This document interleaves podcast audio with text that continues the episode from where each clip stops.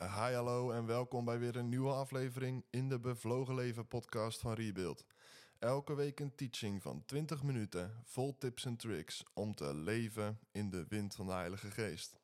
En vorige week was ik een lekker weekje op vakantie, dus was er geen aflevering. Maar deze week staat er weer een hele nieuwe aflevering voor je klaar over seks en sleur. En seksualiteit is een bijzonder thema waar heel veel om te doen is in de gemeente van Jezus. Veel mensen zijn hiermee bezig, letterlijk en figuurlijk. Ehm, en uh, veel mensen worstelen ook met dit thema. Er is veel schaamte omheen. Uh, voor sommige mensen is het een heel mooi thema. En voor andere mensen is het ook een heel kwetsbaar thema. Ik realiseer me als je hier ook nare ervaringen mee hebt gehad, dat het, uh, dat het ook gewoon een ingewikkeld thema is. Maar ik hoop dat je in deze aflevering ja, ook gewoon iets leert over, uh, over seksualiteit vanuit Gods plan, vanuit Gods design. Um, en dat je ook uh, bemoedigd wordt hierin. Of je nou single bent of getrouwd. Voor iedereen is dit thema relevant. Met name het eerste deel is voor iedereen. En het tweede deel is voor mensen die, die getrouwd zijn. Want ik geloof dat seks is Gods plan en is bedoeld in een verbond. Ik heb vandaag een aantal punten. We gaan het hebben over seks als Gods plan seks is elkaar leren kennen of elkaar kennen. We gaan het hebben over gezonde seks. Wat is nou gezonde seks? En aan het einde deel ik gewoon nog een paar tips en tricks die je gaan helpen om de, ook de sleur uit je huwelijk te halen. Als je inmiddels al een paar jaar getrouwd bent, dan uh, kan seksualiteit een ding worden in je huwelijk. De eerste weken zijn altijd helemaal te gek. En daarna dan uh, moet je er vaak wat meer voor doen dan dat je aan het begin hebt gedacht. Maar er zijn genoeg dingen uh, die je kan leren of die je kan toepassen om uh, ook je seksualiteit in je huwelijk echt een boost te geven. En als eerste gaan we het hebben over seks is Gods plan. Ik denk dat het belangrijk is om te noemen dat God schiep de man en de vrouw. En hij schiep hen om vruchtbaar en talrijk te worden. Het is God's design. Het is zijn ontwerp. Het is de manier waarop hij de mens heeft geschapen. En hij heeft de mens nou eenmaal geschapen met uh, geslachtsdelen en allerlei andere ja, dingen die in ons lichaam zitten. En die we hebben gekregen. En hij zei in Genesis 1, vers 28 tegen de mens, tegen Adam en Eva, zei hij: Wees vruchtbaar en word talrijk.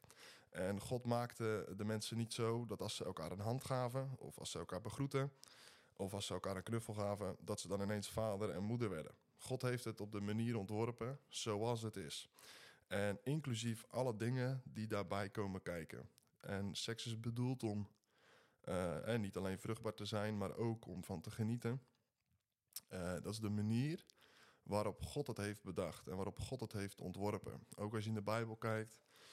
En we gaan zo nog een aantal teksten uh, doorlopen of een aantal teksten aanhalen waarin je gewoon ziet dat God zoveel rijkdom en vreugde heeft weggelegd in seksualiteit.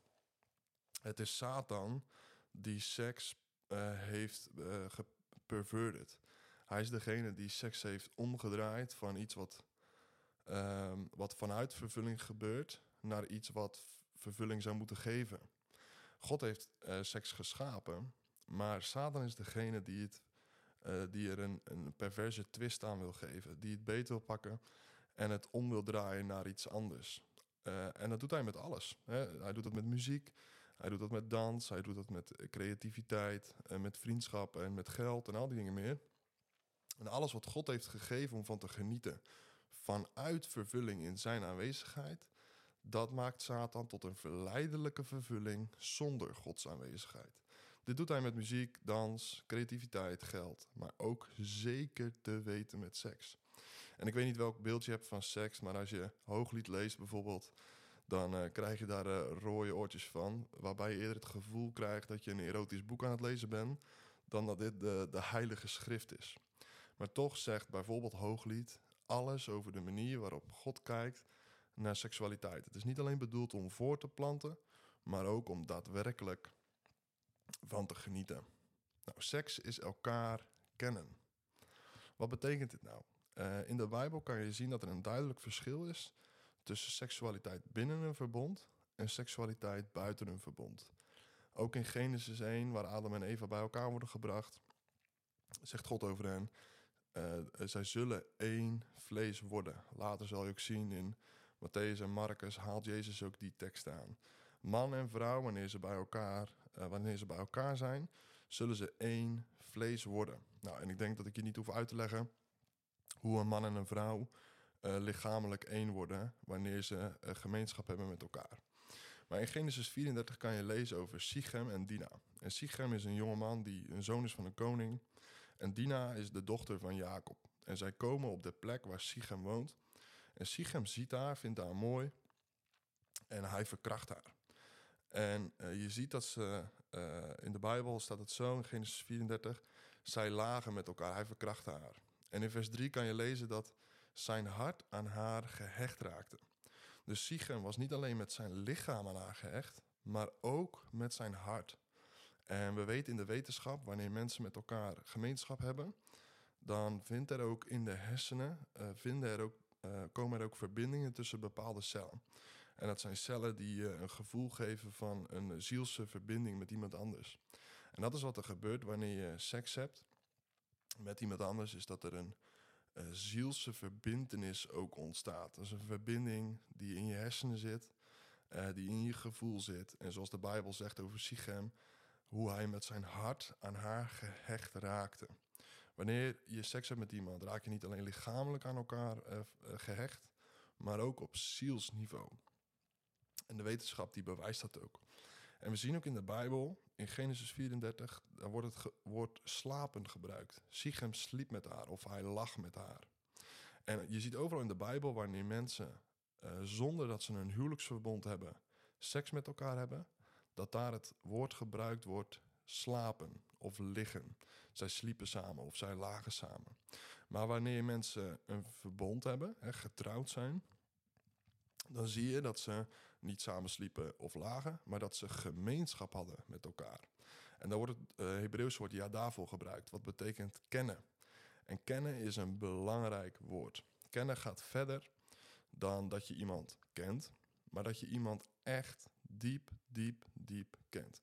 Dat je iemand van, uh, van top tot teen, uh, zowel lichamelijk als, als ziels, helemaal door en door kent. En ik geloof seks binnen een huwelijk gaat niet alleen over een lichamelijke daad, maar is ook een zielse daad, waarbij je op zielsniveau, emotioneel niveau, op diepe, diepe wijze met elkaar verbonden bent. En daarom zeg ik ook altijd tegen mannen, als je uh, nou je vrouw wil leren kennen, dan zul je haar moeten leren kennen. Je moet eerst met elkaar de diepte in en elkaar van hart tot hart durven leren kennen, voordat je daadwerkelijk met elkaar dat bed kan, kan delen, binnen dat verbond.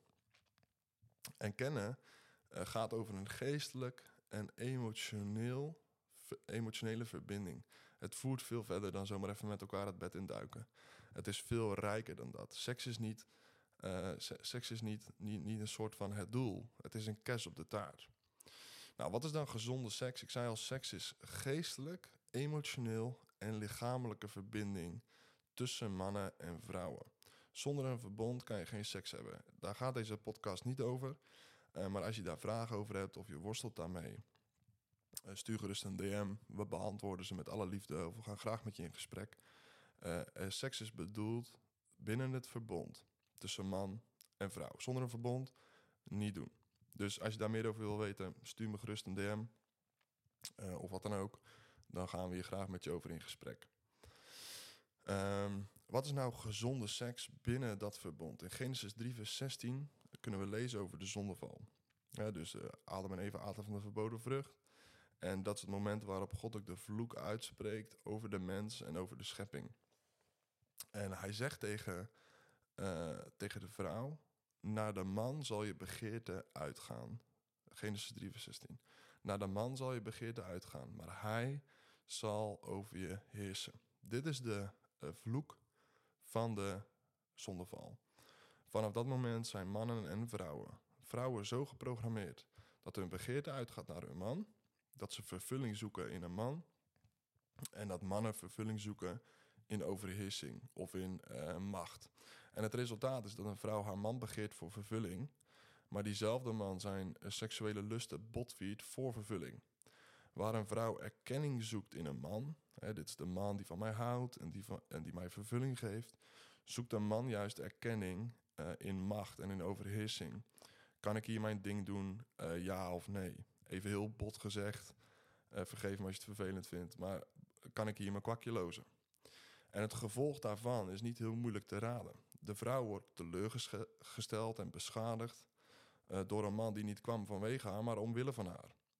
En zo wordt seks voor de, voor de vrouw een moedje en voor de man een tijdelijke vervulling. En seks geeft nooit vervulling, alleen invulling. Het is niet de vervulling van je huwelijk of de vervulling van je leven. Het is een invulling ervan en het volgt, en het volgt vanuit de vervulling die je hebt in God. Want we leven niet onder de vloek. Daar zijn we van vrijgekocht. Uh, Galaten 3 zegt, Jezus is aan het kruis gestorven voor die vloek. Hij heeft die vloek gedragen. Die vloek die over Adam en Eva was uitgezet, over de mensheid, is een vloek waar we niet meer, uh, waar deze wereld wel onder leeft. Maar waar wij als kinderen van, Christ, als kinderen van God, uh, gered door Christus, niet meer onder hoeven te leven. Dus je denken moet ook vernieuwd worden op dit gebied. Als vrouw ligt je identiteit niet in je man.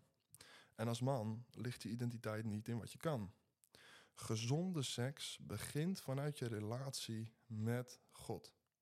En voor een vrouw betekent dit dat je vanuit de vervulling in God je man niet hoeft te begeren, maar uh, kan serveren. Dat, dat, je niet je begeerte op, op je man uh, uh, richt en dat je niet, niet je vervulling in hem zoekt, maar dat je vanuit vervulling in God juist je man iets te bieden hebt. En als man betekent dit dat je vervulling in God vanuit die vervulling je vrouw niet hoeft te overheersen, maar te dienen. En beide hebben te maken met elkaar dienen. Seksualiteit is niet nemen, maar seksualiteit is geven. Het is brengen. Er, is in de, Griekse, uh, in de Griekse woorden, zeg maar, woordenschat, zijn er iets van vijf uh, verschillende woorden als het gaat over liefde. En twee daarvan zijn eros en agape. En eros is waar ook het woord erotiek van afgeleid is. Eros erodeert. Eros is de type liefde wat neemt. Is het type liefde wat niet komt om te geven, maar is het type liefde wat wegneemt. En in die zin, wanneer seks gebeurt uh, en man en vrouw lichamelijk één worden, vindt er altijd een uitwisseling plaats op lichamelijk en zielsniveau. Je geeft jezelf letterlijk weg. En als dat vanuit erosliefde, uh, als er seksualiteit plaatsvindt vanuit erosliefde, uh, dan wordt er alleen maar afgenomen en niet bewaard. Ik gebruik vaak dat voorbeeld van kaarsvet, zeg maar. Binnen een kader kunnen, uh, kunnen twee kaarsen helemaal wegsmelten en samensmelten. Maar als dat kader er niet is, dan smelt je letterlijk weg, zo gezegd. Daarom is het zo belangrijk dat dat verbond in stand blijft. Zodat je als man en vrouw uh, niet neemt, maar dat je juist geeft. Dus we leven niet onder die vloek, maar we leven om te geven vanuit de vervulling die we hebben. Dus zowel voor man als voor vrouw geldt dat als het gaat om seksualiteit, dat we er zijn om die ander te dienen. Dan mag je er nog steeds absoluut van genieten. En dit is al de basis van seksualiteit in je huwelijk. Uh, dat ook op dit gebied je niet komt om je ding te doen of om even dat genot te halen, maar dat je juist komt om die ander te zegenen, om die ander uh, iets te geven wat alleen jij kan geven. Want een man kan alleen doen wat een man kan doen en een vrouw kan alleen doen wat een vrouw kan doen. Dus heb je vervulling in God en vanuit die vervulling kom je dus om te geven. Dat is agape liefde, onvoorwaardelijke liefde. Die geeft zonder terughoudendheid, zonder voorwaarden, zonder kanttekening. Als jij dit doet, doe ik dit. Maar die puur komt om echt te geven wat je te brengen hebt. En dit is, dit is al een basis, denk ik, uh, om seksualiteit in je huwelijk uit die sleur te halen. Als je ontdekt dat je seks niet nodig hebt voor vervulling, uh, maar dat je seks kan hebben met elkaar vanuit vervulling. Nou, hoe sloop je die sleur? Ik heb een paar uh, tips die je helpen om die sleur te slopen als het gaat over seksualiteit in je, in je huwelijk en in je seksleven. En ik geloof, seks is niet de motor van je huwelijk, liefde is de motor. Dus als je liefde hebt voor elkaar, dan, uh, dan werk je voor elkaar, dan heb je alles over voor elkaar. Um, dat, is de, dat, is de, dat is de motor van je huwelijk. Maar seks kan wel de olie zijn. Dus als je motor een beetje roestig is of je motor is een beetje droog, dan is het wel, uh, dan kan het heel erg helpen om uh, bewust met elkaar uh, seks te hebben. Een vriend van mij zegt wel eens: ik heb medicinale seks met mijn vrouw. dat doen zij bewust, omdat ze weten dat wanneer ze seks hebben met elkaar, dat er dan uh, er komen allerlei gelukshormonen aan te pas. Ik weet even al die namen niet uit mijn hoofd, maar al die hormonen zorgen ervoor dat je een geluksgevoel krijgt, dat je een gevoel van verbinding krijgt met elkaar. En in die zin is tip 1 dus ook als het gaat over seksualiteit in je huwelijk. Het is een bewuste keuze. Spreuken 5 vers 18 uh, spreekt over uh, een oude man die tegen een jonge man zegt: uh, Verheug je in de vrouw van je jeugd. En dan staat er in, in vers 18 of vers 19 staat: Laat haar borsten je dronken maken. Ah, dat is best een tekst. Daar staat best wel wat. En ik moest denken aan dat, dat ding van dronken worden. Je wordt niet dronken van één wijntje. het is heel simpel. Je moet het uh, repeterend doen. Je moet het vaker doen. Je moet meerdere wijntjes drinken voordat je dronken wordt. En dat is hetzelfde als met dit. Dronken, uh, nou even om dat voorbeeld van die borsten te gebruiken. Je wordt niet dronken van borsten als je er even één keer naar kijkt, of wat dan ook. Je moet daar als het ware in investeren en een bewuste keuze maken en je aandacht verleggen van het een naar het ander. En in die zin daar dronken van worden door het, door het meerdere keren tot je te nemen. Dus het is ook niet van, oké, ik probeer het even 10 seconden en daarna zien we het wel. Nee, je moet er bewust met elkaar voor zitten, over communiceren en bewust zeggen, dan en dan gaan we het doen. Het kan je heel erg helpen. En aan het begin zal het plastisch aanvoelen, zeker als je bijvoorbeeld gewend bent uh, dat het altijd heel natuurlijk gaat, zeg maar. Uh, maar op het moment dat je daar bewust voor, voor kiest met elkaar, vanuit die vervulling, en je investeert daarin en je geeft daar tijd aan, dan zal je zien dat het je heel veel vreugde gaat opleveren. Zoals ik al zei, er komen allerlei hormonen vrij, waardoor verbinding, vreugde, ontspanning allemaal uh, aan bod gaan komen in je hersenen. En dat heeft invloed op je relatie. Het is niet de motor van je huwelijk, maar het kan wel de olie van die motor zijn. En iedereen weet dat als je uh, geen zin hebt, maar je doet het uiteindelijk toch, dat, dat het eigenlijk best wel heel tof was. Nou, tip 2 is communiceren over je grenzen en je wensen. Um, misschien doe je wel al jaren iets wat je partner helemaal niet fijn vindt. Uh, dat hoor ik best vaak. Ik zie dat best veel. Um, dat uh, mensen eigenlijk erachter komen na een paar jaar van... oh, dat vindt hij of zij eigenlijk helemaal niet fijn. Dat doe ik eigenlijk altijd, maar dat vindt diegene eigenlijk niet prettig. En vice versa werkt het ook an andersom zo. Het kan zijn dat je partner iets bijvoorbeeld heel erg fijn vindt... Uh, maar wat je eigenlijk nooit doet. En door er simpelweg met elkaar over te praten... Uh, Lien en ik hebben er wel eens een keer een gesprek over gehad... nou, wat vind je nou prettig? Wat vind jij nou fijn? En dan is dat gewoon duidelijk. Dan kan je dat ook gewoon toepassen en gebruiken. Dat klinkt misschien plastisch, maar je kan niet uh, aan je water voelen wat een ander fijn vindt. Er zijn wel meerdere, hoe zeg je dat? Meerdere manieren om dat te ontdekken. Maar de beste manier is toch gewoon met elkaar over te praten. Ik zeg altijd, je kan gaan bidden voor een woord van kennis, maar je kan het ook gewoon vragen. Dan kom je er vanzelf achter. Dus communiceren over je grenzen en je wensen. Wat vind je prettig? En, en ook wat vind je niet prettig? Want sommige dingen kunnen echt een dealbreaker zijn. Of kunnen echt de moed eruit halen voor iemand. Dus communiceer gewoon over wat je prettig vindt en wat je niet uh, prettig vindt. Maar vooral vraag het aan die ander. Want je bent om die ander te dienen. Want tip 3 is dienstbaarheid. Je bent er om die ander te dienen. 1 Corinthians 7 zegt, uh, zegt Paulus. Uh, mannen en vrouwen tonen elkaar de verschuldigde bereidwilligheid. En dan zegt hij, want jullie lichaam is niet van jullie zelf, maar is van die ander. Nou, dat is best een heftige tekst. Uh, dat betekent niet dat jij altijd maar moet klaarstaan als jouw partner dat wil. Want dat zou niet gaan over, uh, over gevende liefde, maar dat zou gaan over nemende liefde. Dus die basis blijft altijd die onvoorwaardelijke agape-liefde. En vanuit daar geef je elkaar een verschuldigde bereidwilligheid. Die toon je daarin. Nou, wat betekent het dan? dat je bereidwillig bent om die ander te dienen. Om te doen waarvan je weet dat die ander het prettig vindt. En ook belangrijk, juist niet te doen waarvan je weet dat die ander het niet prettig vindt. En je lichaam is in die zin niet van jezelf als jij de bewuste keuze maakt om het uh, uh, ten dienste te stellen van die ander. En nogmaals, dat kan niet zonder grenzen.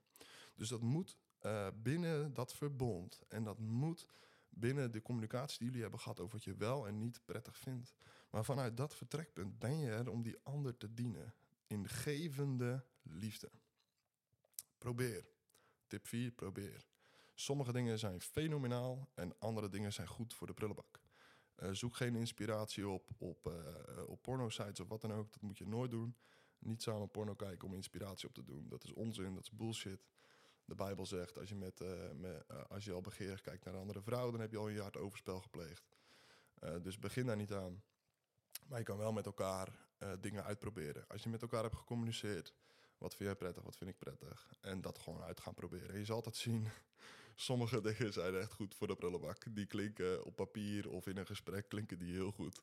Maar in de praktijk eh, is het een onmogelijke houding of eh, is het gewoon geen prettige situatie. Dus eh, wees ook dan gewoon eerlijk daarna. Zeg gewoon van, nou, het klonk heel tof, maar uiteindelijk was het gewoon niks. En sommige dingen ga je achterkomen dat je denkt, nou, dit was echt geweldig. Hier, dit was fenomenaal.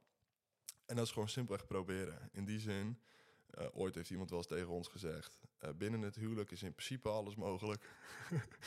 en ehm, eh, in die zin mag je gewoon ook binnen die grenzen die je samen bespreekt, en binnen de grenzen die oké zijn met Gods woord, mag je gewoon dingen proberen. En ook eerlijk zijn als dingen het niet zijn. Gooi ze dan gewoon weg. En de laatste is respect en liefde. En ik denk dat ik dat niet, na, niet genoeg kan benadrukken. Maar je bent er om die ander te dienen en om die ander te geven. Niet om te nemen voor jouw vervulling. Zorg dat je je vervulling vindt bij God. En vanuit de liefde die je daar hebt, in de intimiteit met Hem, heb je liefde om uit te delen aan anderen. Je kan geen seksualiteit hebben met elkaar, of geen seks hebben met elkaar, zonder een geestelijke bedding. Kan niet. Kan gewoon niet. Het kan wel, maar het geeft je nooit vervulling. Achteraf voel je voel je, je leeggegeven in plaats van opgeladen. En dat is niet de bedoeling eh, van seksualiteit. Het is niet de bedoeling van seks hebben met elkaar. Het moet gaan met, vanuit respect voor die grenzen en vanuit de, met respect voor die grenzen en vanuit de liefde die je hebt in God, van God, die je te geven hebt aan een ander. Het kan niet zonder een geestelijke bedding. Nou, hoe creëer je zo'n geestelijke bedding? Heel simpel, en het gaat je misschien verbazen, maar lees eens een keer eh, of ga eens een keer gewoon samen met elkaar bidden. In plaats van dat wanneer je naar bed gaat gelijk de daad gaat doen, ga eens met elkaar bidden. Breng elkaar voor Gods troon. Doe voorbeden voor elkaar. Zegen elkaar. Bemoedig elkaar. Profiteer over elkaar. Uh, alleen dat al zorgt ervoor dat je weer helemaal samen in die geestelijke atmosfeer komt. waarin je zou moeten zijn. Sowieso als christen, dat is basis, dat is nummer één. Je moet in een geestelijk contact zijn met God, in intimiteit met Hem. En niks is mooier als je dat samen doet. Misschien ken je dat wel, dat plaatje van een driehoek. Uh, in de bovenste punt zit God. En in de twee onderste punten links en rechts zit jij en je partner. Hoe dichter je bij God komt, hoe dichter je allebei uh, bij elkaar komt. Dus als je allebei dichter bij God komt, kom je ook dichter naar die punt toe. Kom je dus ook dichter bij elkaar. Dat is zo bijzonder aan, uh, aan God leren kennen. God is degene die mensen bij elkaar brengt en mensen bij elkaar houdt. Dus voordat je gelijk naar bed gaat en de daad gaat doen, ga je samen bidden. En als je inspiratie wil, lees Hooglied. Als je Hooglied gaat lezen, uh, dan ga je gewoon ontdekken wat de rijkdom ervan is. Uh, maar ook wat, wat, hoeveel uh, bijzondere dingen daarin staan. ik word niet emotioneel hoor, ik was gewoon even schor. Hoeveel bijzondere dingen daarin staan. die je gaan helpen om ook dat vuurtje in jullie huwelijk aan te wakkeren. Nogmaals, seks is niet de motor voor huwelijk, liefde is de motor.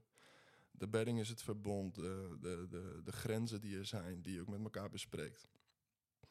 En uiteindelijk is seksualiteit, seks in je huwelijk, is de olie voor die motor. Het geeft, het geeft jeu aan je huwelijk, het geeft blijdschap en het geeft vreugde.